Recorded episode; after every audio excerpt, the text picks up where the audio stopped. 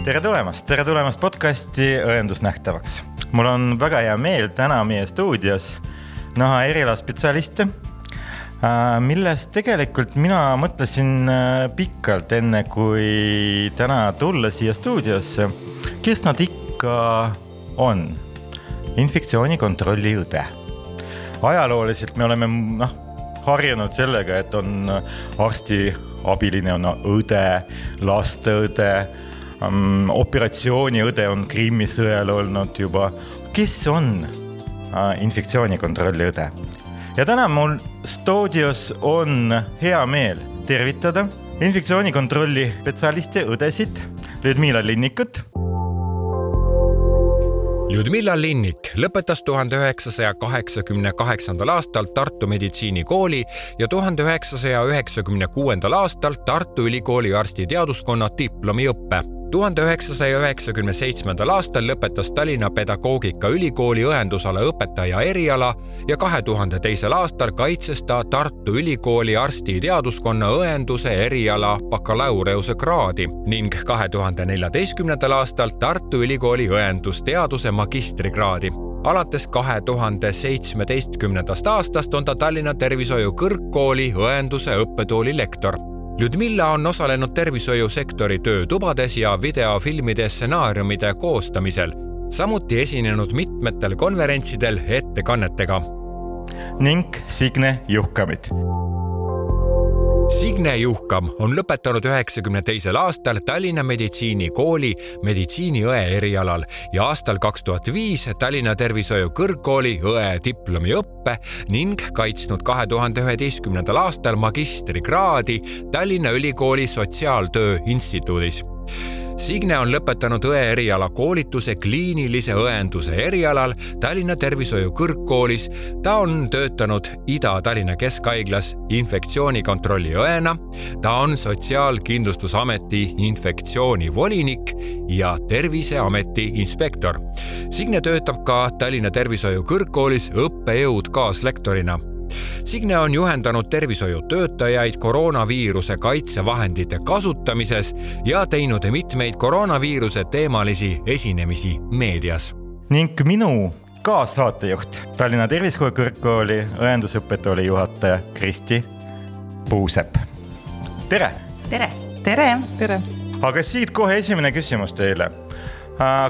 kust tuleb int-, mitte intensiiv, ma olen ise intensiivraviõde ja, see on minu teema on väga lähedane, et ma võin täitsa eksida äh, saate jooksul, aga ma loodan, et see on nagu viimane kord. ehk infektsioonikontrolli õde, kes on? Ludmila. infektsioonikontrolli õde on pisikute politsei ja ma väga loodan, kui ma ei paku üle, kui ütlen, infektsioonikontrolli õde on meeskonnaliige Äh, meeskonnaliige igas osakonnas, kus on patsient, kus on õde, kus tehakse erinevaid protseduure, kas invasiivseid või lihtsalt protseduure. et äh, tegelikult äh, on see, et meiega kaasas, meie ümber on alati väiksed pisikud, kes elavad oma mõnusat elu ja tegelikult neid peaks nagu distsiplineerima. ja mõnikord me unustame, sest me ei näe neid ja nii hea, kui on olemas ma arvan nii, infektsioonikontrolli õde, kes tuleb ja viisakalt, diplomaatiliselt tuletab sellest meelde. Signe, mis sul lisada? Äh, no kui ma mõtlen tagasi ajaloo, ajaloo peale, siis mulle tundub, et äh, esimene infektsioonikontrolli õde oli tegelikult õenduse rajaja Florence Nightingale, kes ju, äh, me teame, et juba Krimmi sõna, sõja ajal Äh, juhtis tähelepanu sellele, et kui oluline on äh, puhtus ja hügieen ja sellega infektsioone äh, vältida. Jah, me ma natukene sekundeerin siia juurde ja, ja Alekseile veel täienduseks, et lisaks sellele, et Ljudmilla ja Signe on tunnustatud infektsioonikontrolli õed, ma ütleks, et mitte Tallinnas, vaid terves vabariigis on nad äh, ka äh, Tallinna Tervishoiu Kõrgkooli lektorid äh, ja, ja õpetavad meie tudengeid just nimelt infektsioonikontrolli alal siis seda peamist ja, ja baaspõhimõtteid nii õppetöö ajal järgima, praktika ajal järgima, kui, kui siis tulevastele õdedele, kes lähevad tööle aga infektsioonikontroll kui selline ju, me, me kõik tuleme sellest ajast, kus ei ole mitte ainult nende sõnadega räägitud, oli ka nakkustõrje e me oleme tegelikult ja. veel, veel vanemadki. me rääkisime, rääkisime omal ajal veel, sanepidjaam tuleb osakonda jah, vot see oli politsei või miilits. just, vot siin ma olen tõesti äh, siiamaani karvad püsti, kui õendusjuht, vanem õde tol ajal äh, jookseb osakonda sisse, klooriga lapp äh, kaasas ja karjub, et e, sanepidjaam on majas, koristage kõik kapid ja, ja riiulid. aga jah, see oli ammu ja tänapäeval on infektsioonikontrolli õe roll on väga selge, äh, välja kujunenud äh, meie Eesti õendusvaldkonnas, aga ma võib-olla küsiks äh, alguses teie mõlema käes, kuidas te jõudsite, milline oli see teekond, et teie, teist said infektsioonikontrolli õde? Signe nojah, ma töötasingi alguses äh, aastaid juba osakonna vanemõena või no nüüd siis juba on see õendusjuhi ametikoha nimetus ja, ja vot täpselt sellel äh, tööl ma nägin seda, kui tuldi osakonda ja siis kontrolliti ja, ja tegelikult ikkagi juhendati, et see kontroll ei ole, kontroll on küll meil nagu nimetus, aga me ikkagi nagu üritame kõigepealt juhendada ja koolitada ja ja kuidagi see mulle endale nagu meeldis ja sümpatiseeris ja, ja tekkis nagu sihuke huvi, et tahaks ise seda Äh, seda tööd rohkem teha ja siis juhtus, et sellel äh, vanema ametikohal töötades äh, kaasati meid juba ka haiglas vanemõdesid sellistele erialastele mm, koolitustele või konverentsidele ja ja, ja siis sealt juba edasi, et vabanes koht ja kutsuti konkureerima ja, ja osutusin siis ka valituks. ja, ja läksingi siis juhi koha pealt üle siis sellele praktilise infektsioonikontrolli õe ametikohale kas mul on õige meeles, et sa said ka eriväljaõppe infektsioonikontrolli alal? jah, et Eestis on nüüd tõesti Tallinna Tervishoiu Kõrgkoolis olnud üks kord, ainult üks aasta see eriõppe, et me lõpetasime tegelikult täpselt nüüd saab jaanuaris kümme aastat tagasi. Äh, see õeprogramm siis oli ja, ja kuna juhtus, et ma just sellel hetkel või ajal siis asusin tööle sellele ametikohale, et siis sain ka, tulin ka siis siia Tervishoiu Kõrgkooli seda õppima. Ludmila? Ma kohe ei teagi, kuidas seda öelda. võib-olla kõlab see väga huvitavalt ja imelikult, aga mul haiglas, kus ma alustasin oma karjääri, see on Tartu Ülikooli Kliinikum, oli lemmikarst ja see oli meesterahvas mulle meeldis, kuidas ta tegi loengut, mulle meeldis, kuidas ta rääkis filosoofiast, kuidas võiks osutada õendusabi, kuidas võiks osutada üldse arstiabi. Ja kogu aeg vaatasin suu lahti, et kuidas ta seda teeb. Ja ühel hetkel see inimene tuleb minu juurde ja küsib, kas ma ei taha olla infektsioonikontrolli õde et siis oli tõesti see nakkustõrje ja, ja loomulikult seal on ainult üks vastus. ma olin siis õendusjuht pikalt ja olin väga raskes osakonnas, see on luudi siirdamisosakonnas, kus ma tõesti teadsin, ma arvan, et teadsin kogu meditsiini, siis seal me tegime absoluutselt kõiki protseduure ja arvasid, et ma võib-olla tõesti, mul on, mida jagada, mida näidata ja, ja ma oskasin ka koolitusi teha juba siis. ja, ja kui tuleb minu lemmikinimene ja pakub, noh see oligi otsustav. ja ma hakkasin mõtlema selle Ljudmilla väljaöeldu peale, et, ähm, et see on pisikute politsei e, tegelikult ju, kui me õendusest räägime, siis me räägime e, patsiendikesksusest ja, ja sellest tööst, mida patsientidega tehakse. ma arvan, et infektsioonikontrolli õde on nüüd noh, selles äh, pingerivis üsna seal äh, kaugemas osas, kellel on kõige vähem võib-olla otsest kokkupuudet patsiendiga, samas on see kõik ju patsiendi heaks.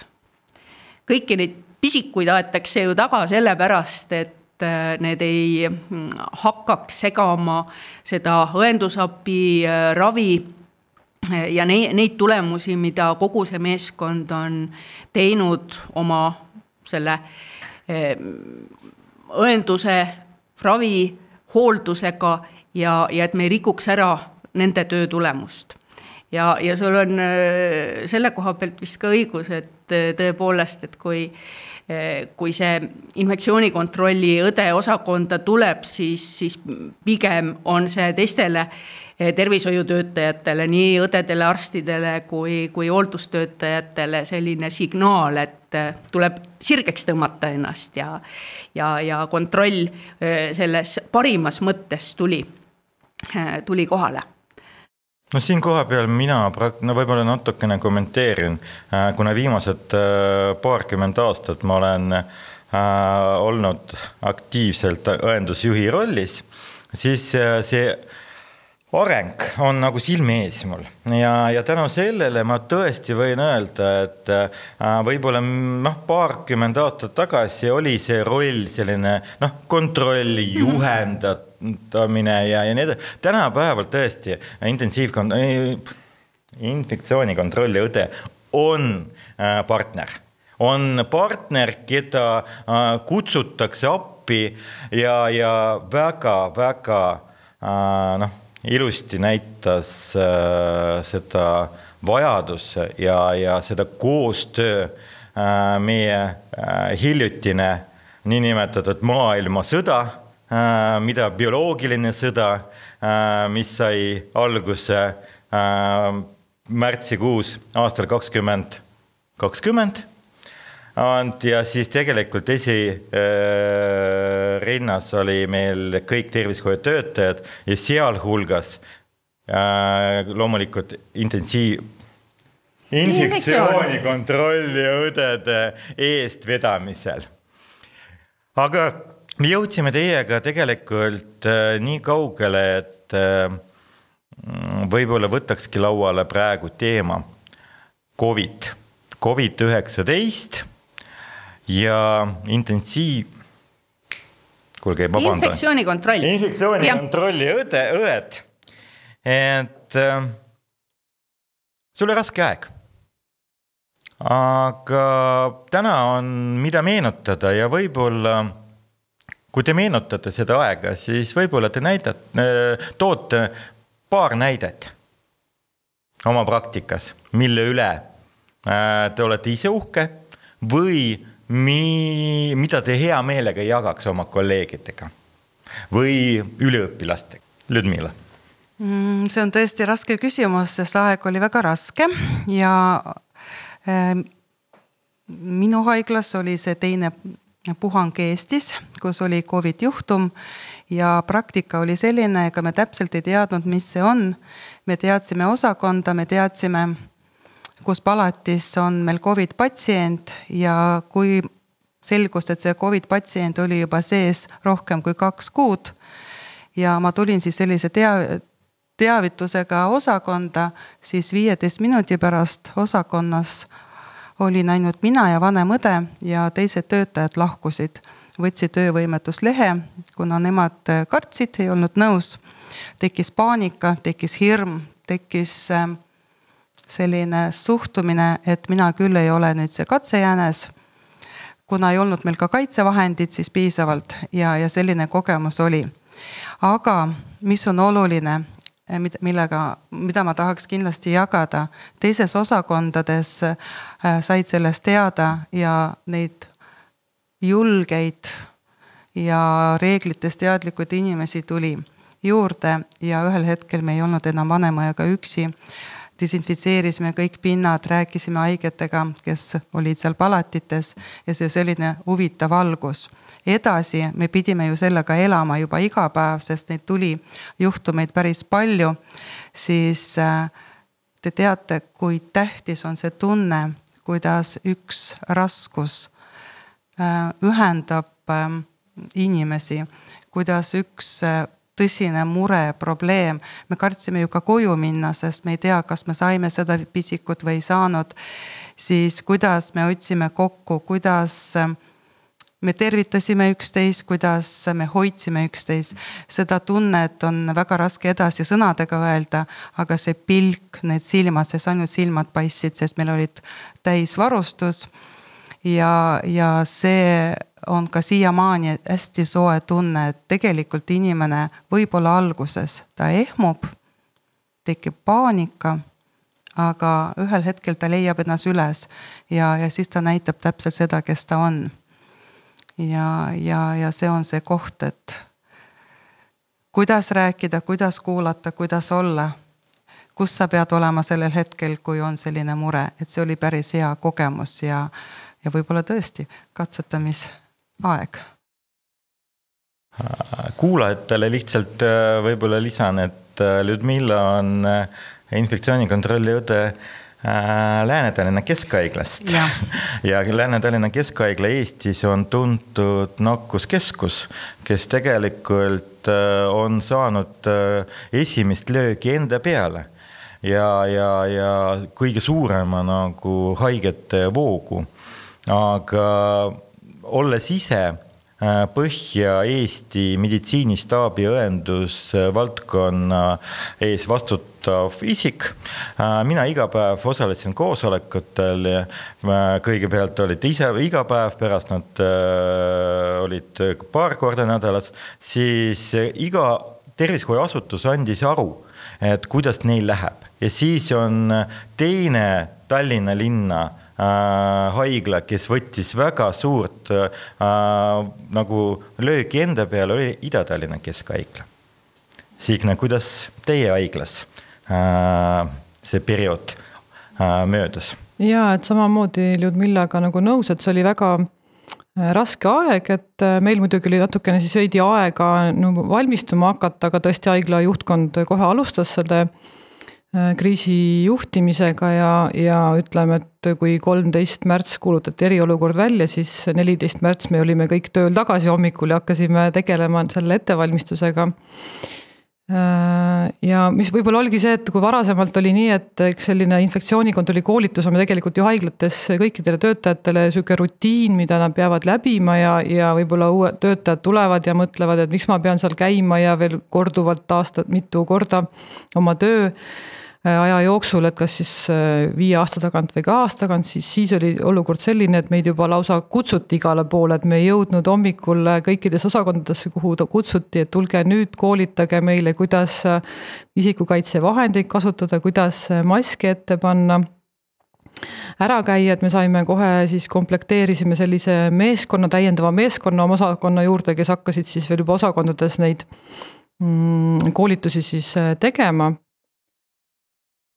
ja, ja niimoodi ta läks siis jah, kuni meil esimesed patsiendid ka äh, saabusid, aga jah, tõesti, et võrreldes Lääne-Tallinna Keskhaiglaga see löök tollel esimesel lainel ei olnud nii suur, et me jõudsime valmistuda ja, ja ka otsisime personali. Äh, moodustati osakond ja, ja kes siis olid nõus sinna tööle tulema, et väga mm, tublid ja toredad inimesed, et need, kes ikkagi tulid, need tegid seda tööd nii-öelda rõõmu ja entusiasmiga aga noh, mis see aeg meile veel nagu õpetas, on see, et et kui, kui jällegi eelnevalt enne Covidit me võib-olla panime tähele, et Eestis ei ole väga populaarne tegevus kätehügieen, eks ju, siis me kohe Covidi saabudes hakkasime aktiivselt käsi antiseptikumiga töötlema ja pesema ja antiseptikumid olid mingi aeg turult puudu, kadunud. Ja teine teema, et me ju ei osanud ka maske kasu-, kasutada väljaspool Mm, haiglakeskkonda, isegi haiglas panime tähele, et äh, töötajad ei teagi, mis pidi mask ette käib ja, ja kus ta ikka olema peab. et äh, selliseid lihtsaid ähm, juhendeid ja koolitusi siis ka kohe hakkasime uuesti äh, tegema, just sellist pildilist materjali oli vaja, tundsimegi, et ongi vaja inimesi õpetada piltidega ja videosid teha, mida me ka enne Covidit tegelikult üldse ei tahtnud haiglates teha, meile ei meeldinud see, aga nüüd teeme rõõmuga jah, infektsioonikontrolli õdedel tegelikult oli nagu äh, mitmetahuline see mm, ülesanne, et üks asi nõustada haiglat sellises suuremas pildis.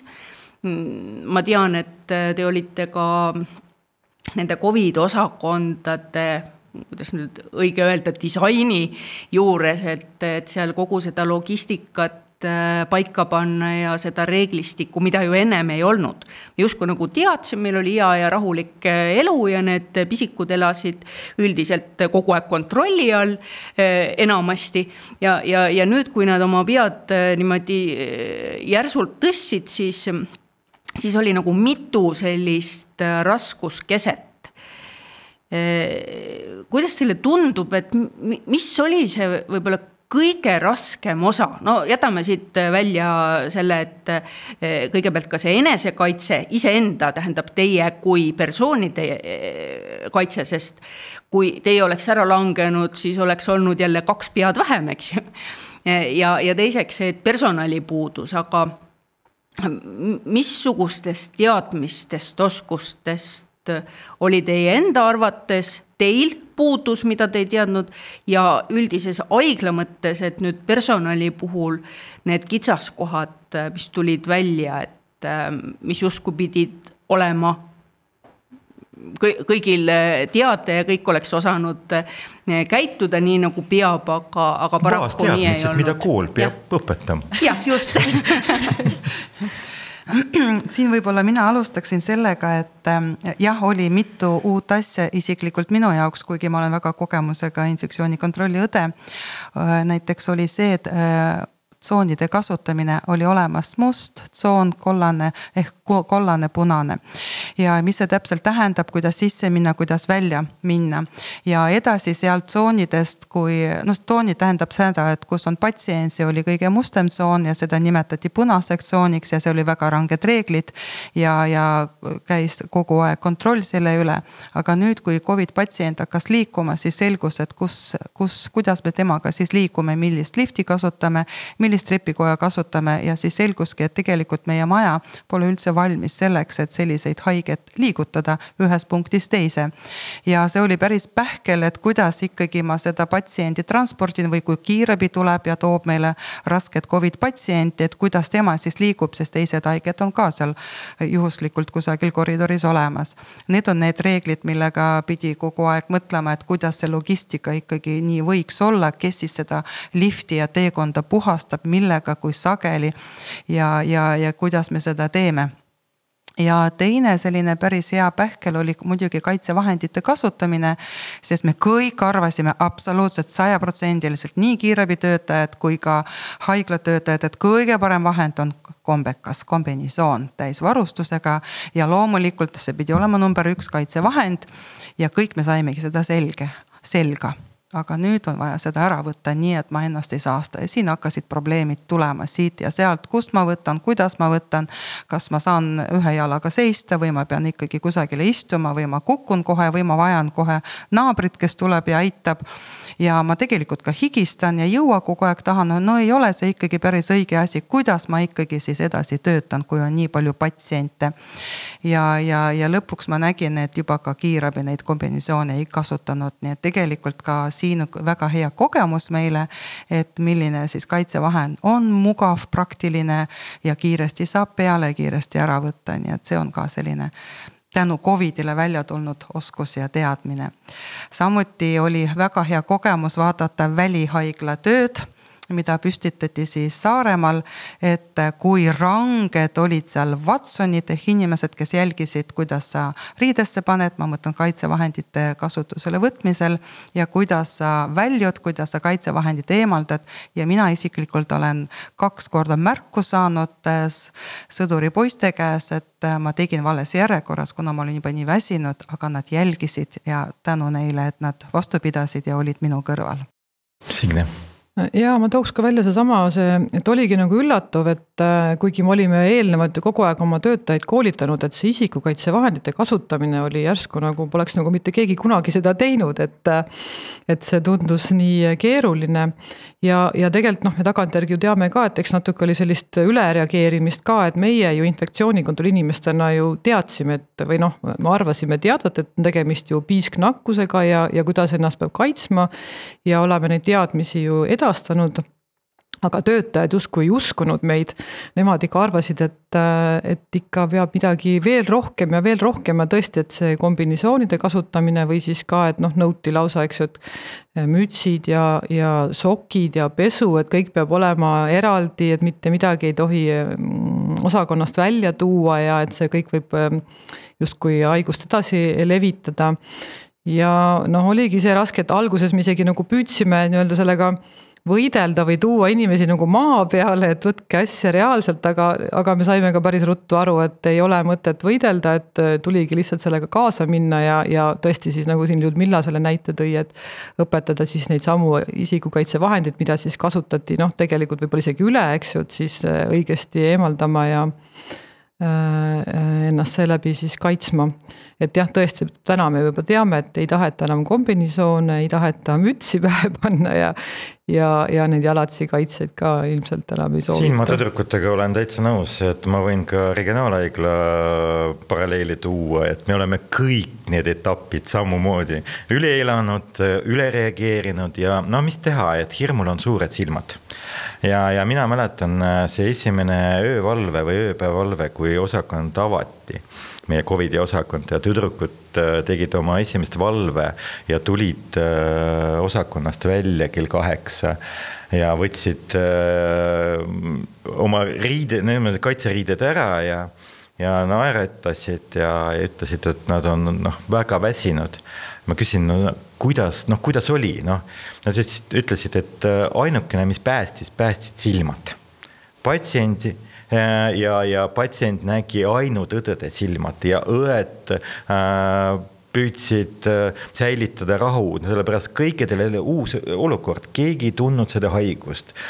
viirusinfektsioon, respiratoorne infektsioon, pulmonoloogilised probleemid, muud probleemid, et tegelikult me oleme omavahel öeldes mina ütlen, et me oleme tegelikult väga põneval ajal elame me oleme saanud väga palju asju tervishoiust näha, alates äh, klaassühtlates äh, keetsime need äh, kuni bioloogilise sõeni üle elanud. Ja tegelikult äh, ma usun, meid huvitavad, huvitavad ajad veel ootavad ees oot-oot-oot-oot. selles mõttes ma ütlen mitte, mitte noh, selles mõttes eriala arengus, et äh, kindlasti tulevad uued väljakutsed, uued meetodid, uued, aga siin koha peal võib-olla ma küsiks äh,. äh kuidas, kuidas, kuidas teie äh, tulite sellest Covid lainest, sõest välja, sellepärast et Äh, väga palju allikaid, välismaa artiklid äh, räägivad ikka sellest, et äh, väga paljud õed lahkusid peale Covidi ka võitlemist nagu tervishoiust või süsteemist või, või valvetööst, et Äh, kuigi samal äh, püüti äh, rahastada seda tegevus ja maksta palka, sellepärast et aastal kakskümmend kakskümmend kõige suurem palk oli makstud intensiiv, infektsioonikontrolli õdedele. Aga loomulikult see kõik oli ainult sellepärast, et infektsioonikontrolli õed tegid meeletu koguses ületunde ja mida oli vaja ära maksta ja nii edasi, et aga noh, nüüd see, see asi on läbi. jah, te ei olnud mitte ainult eesliinil, te olite selle eesliini ees. jah, vot õige, ma mõtlesin, kuidas täpselt seda äh, formuleerida. aga kuidas praegu tunne on? sa mõtled nüüd reeglite. vaimne ja selline, selline Äh, vastupidavus ja, ja, ja et kas te peale seda, kas teil oli mõtet äh, üks päev öelda, et vsjo, uks kinni. ma lähen ära, et äh, tulevad noored, uued, teevad seda tööd. mina valin teist teed ma ütleks nii, et kui sa oled selle sees ma mõtlen selles virvarr sees. mina olin ka Covid osakonna vastutav õde. tööpäev hakkas tõesti, nagu sa ütlesid, ületunde oli palju, kell kuus ja kell kümme õhtul see lõppes. siis sa ei pane tähele, kuidas sa tegelikult põled läbi. aga see tuleb hiljem, see tuleb siis, kui juba nagu tuleb kevad ja juba suvi, Covidit on vähem ja siis sa puhkad, hingad, mõtled, et nüüd on kõik hästi aga tegelikult ei ole hästi. tegelikult tervises, tervis sai ikkagi pihta küll. et äh, siin tagantjärgi tarkus, et äh, eesliinil olevad äh, töötajad, olevaid töötajad, need on vaja toetada ja tegelikult psühholoogilises mõttes. et, et kuigi tundub, et nad saavad kõigega hakkama, nad on tublid, nad ei söö, ei joo korralikult, ei maga palju. ja, ja näed, kui naeratab, isegi nalja viskab, kõik on see hästi, aga, aga seal taga on äh, ikkagi tervis, mis ei pea vastu sellele. ja tulevad ka väiksed kellukesed, mis ütlevad, et nüüd tervis tahab ikkagi ravimist ja toetamist. mina olen isiklikult läbi põlenud ja ütlen seda kõva häälega ja ma olin täiesti kindel, mina nii kõva pähkel küll sellist, mis asja, mis läbipõlemine, mingi moodne sõna. aga minul oli see aeg, sellist mõtet, et ma nüüd lahkun, mul ei ole kordagi olnud. aga ükskõiksust, kurbust, väsimust, tüdinemust, ärritavust, seda oli küll. ja tänu sellele, et ähm, oli mul väga tugev pere tänu sellele, et ma andsin tunnid koolilastele, töötades koolis, kuna need noored inimesed, silm särab, tahavad teha, tahavad olla eesliinil. see on nii armas, see on nii nakkav ja see toob nagu tagasi seda jõudu võib-olla. nii et minuga on sellised lood. Signe jaa, et läbipõlemine äh, oli, et selles mõttes seda ei saagi eitada. et võib-olla minuga oli lihtsalt sihuke olukord, et mul, mul oli tegelikult see ametikoha vahetus äh, plaanis juba mm, sellel ajal, kui Covid saabus ja see Covid nagu tegi selle töökoha vahetuse nagu selles mõttes raskemaks, et sa olid nagu järsku vajalik seal omal tööpostil.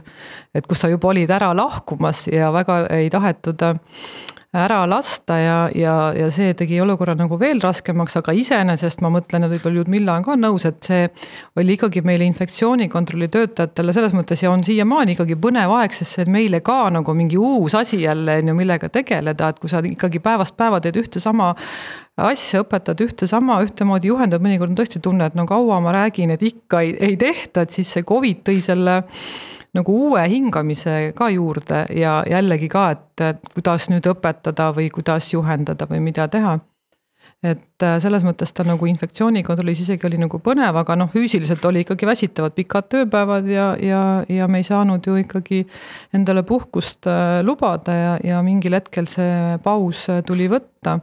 et noh, mina võtsin selle pausi siis nüüd tegelikult alles aasta aega tagasi. et peaaegu siis kaks aastat järjest töö käis, jah. kas Covid on nüüdseks saanud tavaliseks haiguseks? no selles mõttes ikkagi ei ole, et, et me ikkagi ju rakendame selliseid noh, me ikkagi ju neid patsiente soovi, soovime haiglakeskkonnas, me isoleerime, eks ju, et ja, vältime kontakte. ja nii nagu äh, praegust Covid haige, enne me tegime eraldi osakonnad, kuhu me need paigutasime, nüüd on keset kirurgia osakonda Covid palad. täiesti tavaline olukord, et enam nagu sellist paanikat ei teki.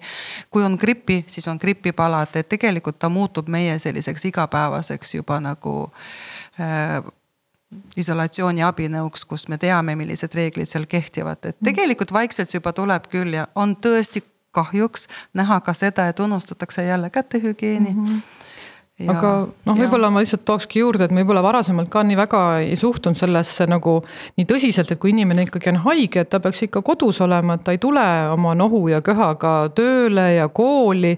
et selle see Covid tõi meile kaasa ja, ja mis siis, et võib-olla noh, praegu hetkel võib-olla see nakatumine on jälle tõusnud. aga see peaks kehtima ka teiste viirushaiguste puhul, et mis siis, et sa saad selle Covidi testi negatiivse, aga kui sul ikkagi on nohu, köha, palavik, oled haige, siis sul ilmselt on mingi muu viirushaigus ja, ja ja me jääme koju, et varasemalt me ikkagi ju tahtsime olla kangelased, ronid, läksime Just. kooli, tööle, hinded vaja kätte saada, töö vaja ära teha, et selle teadmise võiks see Covid meile küll nagu meelde jätta, et et iga haigusega peaks kõigepealt ikka. hoia ennast ja, ja, ja, ja hoia teisi ja kaitse teisi ka, eks ju, sellega, et. üks, üks suur tegevus äh, Äh, Covidi laines oli Covidi vastane immuniseerimine ehk vaktsineerimine. kas teie ka äh, mingi osa võtsite selles protsessis ka? Vau, mina võtsin küll ja hea meelega seda tegin, mulle pakuti koolitust, kus ma läbisin koolitus äh, Covid vaktsiinidest. ja seejärel ma käisin suurtes asutustes kes, mis ei ole tervishoiutöötajatega üldse seotud tervishoiuga ja rääkisin, miks on vaja ennast vaktsineerida vene ja eesti keeles. see oli päris põnev kogemus, kuna te ei kujuta ette, kõik sõltub temperamentist muidugi, inimeste temperamentist. et kui palju oli vastuseisu, kui palju oli väited ja kõik see, mida te kuulete anekdootidest, et äh, kuidas see vaktsiin võib teha äh, inimese äkki loomaks või, või see, on täiesti, inimesed täiesti usuvad sellesse, et nad muutuvad muutuvadki ahviks, nad muutuvadki äh, imelikuks olendiks, kes hakkab häälitsema ja võib-olla ei, mälu enam ei ole, võib-olla ei saagi enam normaalset elu jätkata. et see kõik tuli täiesti tõsiselt ja, ja see oli hea selline kogemus, et, et kui vähe on informatsiooni tegelikult massides, eriti kes räägivad vene keelt et see, mis, millised küsimused sealt tulid ja millised olid äh, tõendid, äh, kus nad näitasid, et näed, mul on olemas, vaata, siin on kirjas ja mida sa siin tuled rääkima. et see oli nagu selline huvitav äh, kogemus minu elus ja tänu sellele ma olen hästi palju oma loengut ja seminari muutnud, kuna ma teadsin täpselt, kuidas võiks mõjutada inimesi, et mis on tegelikult tõenduspõhine teave ja mina ka siis, meil oli varasemalt juba läbitud ju vaktsineerimise koolitused ja siis võtsime kõik, läbisime need Covid koolitused ja. ja tegelikult, kui ennem oli juttu siin natuke läbipõlemisest, siis ma tahtsingi öelda, et või noh, tuuagi näitena, et selline nüüd tekkis see lisategevus, vaktsineerimine juurde, mis minul oli just selline nagu Äh, noh, selline nagu stressi maandamise pool tuli juurde, sest alguses, kui me ju vaktsineerisime endas vaktsineerimiskeskustes, eks ju, siis muutusid õed, kes olid läbinud koolitused ka veel omakorda defitsiitseteks, on ju, meile pakuti tööd igalt poolt, kutsuti, et tulge vaktsineerima meie firmasse siis äh, kui meil muidu võib-olla haiglakeskkonnas on ikka tegemist selliste haigete, võib-olla ka mõnikord rahulolematu patsientidega ja omastega, siis vaktsineerima tulid ju inimesed alguses, kes ju tahtsid seda vaktsiini saada, nad olid nii tänulikud selle eest, et nad, neil oli võimalus vaktsiin saada, et see andis minule, noh, ma mäletan seda esimesest aastatest sellise just sihukese positiivse sellise mm, rõõmsa emotsiooni sellele oma teisele töö kõrvale ja, ja siiamaani ma tegelen vaikselt selle, selle poolega ka. Et äh, jah, infektsioonikontrolli õed siis läksid veel ka vaktsineerima, jah. Ma täitsa, täitsa tunnen, äh, mida sa räägid, sellepärast mina samamoodi tegin. Äh, aitasin õdesid äh, ja mul oli see vaktsineerimise õigus. ja tõesti, need päevad, kus sa käisid nende motiveeritud inimeste ette, nendel säras, silmad särasid ja, ja nad tahtsid seda, sa tundsid, et sa oled nii vajalik. et sa, sa noh ei, see oli tõesti noh, väga-väga-väga äh, mõnus tunne. aga meie aeg hakkab jõudma nii, et finišilint on ees ja, ja meil on viimane nagu sprinter äh, jooks võtta ette. ja ma küsiks äh, teie käes, et infektsioonikontrolli õdesid, millest unistab üks infektsioonikontrolli õde? Signe jah, kui ma mõtlen nagu töö mõttes, siis ma tõesti unistan sellest, et äh, kõik inimesed teeksid nii, nagu me juhendame ja õpetame, eks ju, et ja siukseid elementaarseid asju, et äh, see kätehügieen on ikkagi üks niisugune väga lihtne ja odav viis, mis meid nakkuste vältimise eest äh, kaitseb ja, ja köhaetikett, et kõik see et võiks öelda, et unistaks sellest, et meil poleks tööd, aga noh, seda päris vist loota, et nii läheb, et ei ole ja samas eh, on hea olla ka vajalik, et eh, ikka on tööd. aitäh. mina tahtsin ka öelda, et minu unistus, et mul ei oleks tööd infektsiooni kontrollina, et tegelikult see on tõesti selline ilus unistus ja Rootsis on juba see täiesti olemas. Rootsi haiglates infektsiooni kontrolli õde lihtsalt ei ole olemas ja mikroobid seal ei levi ühelt patsiendilt teisele võtta sa kinni, nii et see on võimalik.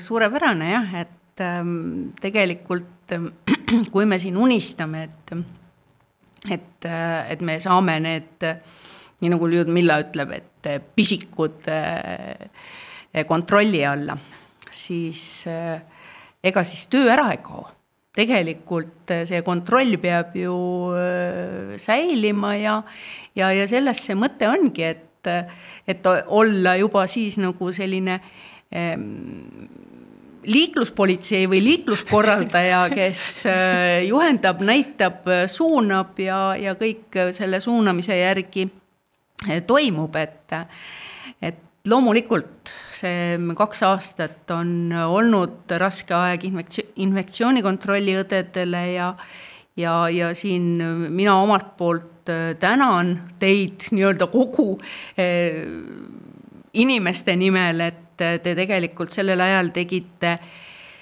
eh, seda tööd, mis jäi tavapatsiendile võib-olla nähtamatuks, aga see liikluskorraldus oli tegelikult korraldatud ja, ja see oli selline asi nagu noh, mõningatel juhtudel mõtleme, et eh, raha tuleb seina seest ja, ja, ja piim tuleb poest, et noh, see, kui me nagu edasi ei näe, siis seda nagu justkui ei olegi, et et see, see infektsiooni valdkonna inimeste panus sel ajal mulle tundub küll, et jäi natukene võib-olla selliseks tavainimesele märkamatuks, et me rääkisime haigusest kui niisugusest, jah, me rääkisime nendest reeglitest, nõuannetest, aga mida see tegelikult nendele inimestele tähendas, seda, seda võib-olla nii palju ei räägitud, aga sellel oli ka oma põhjus.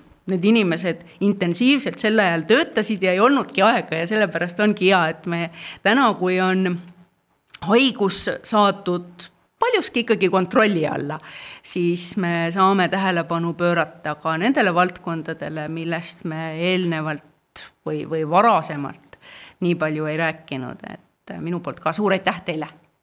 Ja siit koha peal mina soovin ka tänada kooli sest kool on ka võtnud õppus äh, sellest olukorrast ja on äh, arendanud õppekava äh, nii palju, et sellest ai-, sellest asjast sai tegelikult välja toodud eraldi aine, kus on väga tõhus väljaõpe meie noortele kolleegidele ja, ja võib-olla see on ka võimalus neile olla rohkem teadlikud nendest Äh, küsimustes ja, ja, ja kindlasti äh, see avaldab mõju ka meie patsientidele selle kaudu ja siin kohapeal ma tänan teid äh, saates osalenud Ludmilla Linnik, Signe Juhka ning Kristi Puusepp ja mina olen saatejuht Aleksei Kaidenko.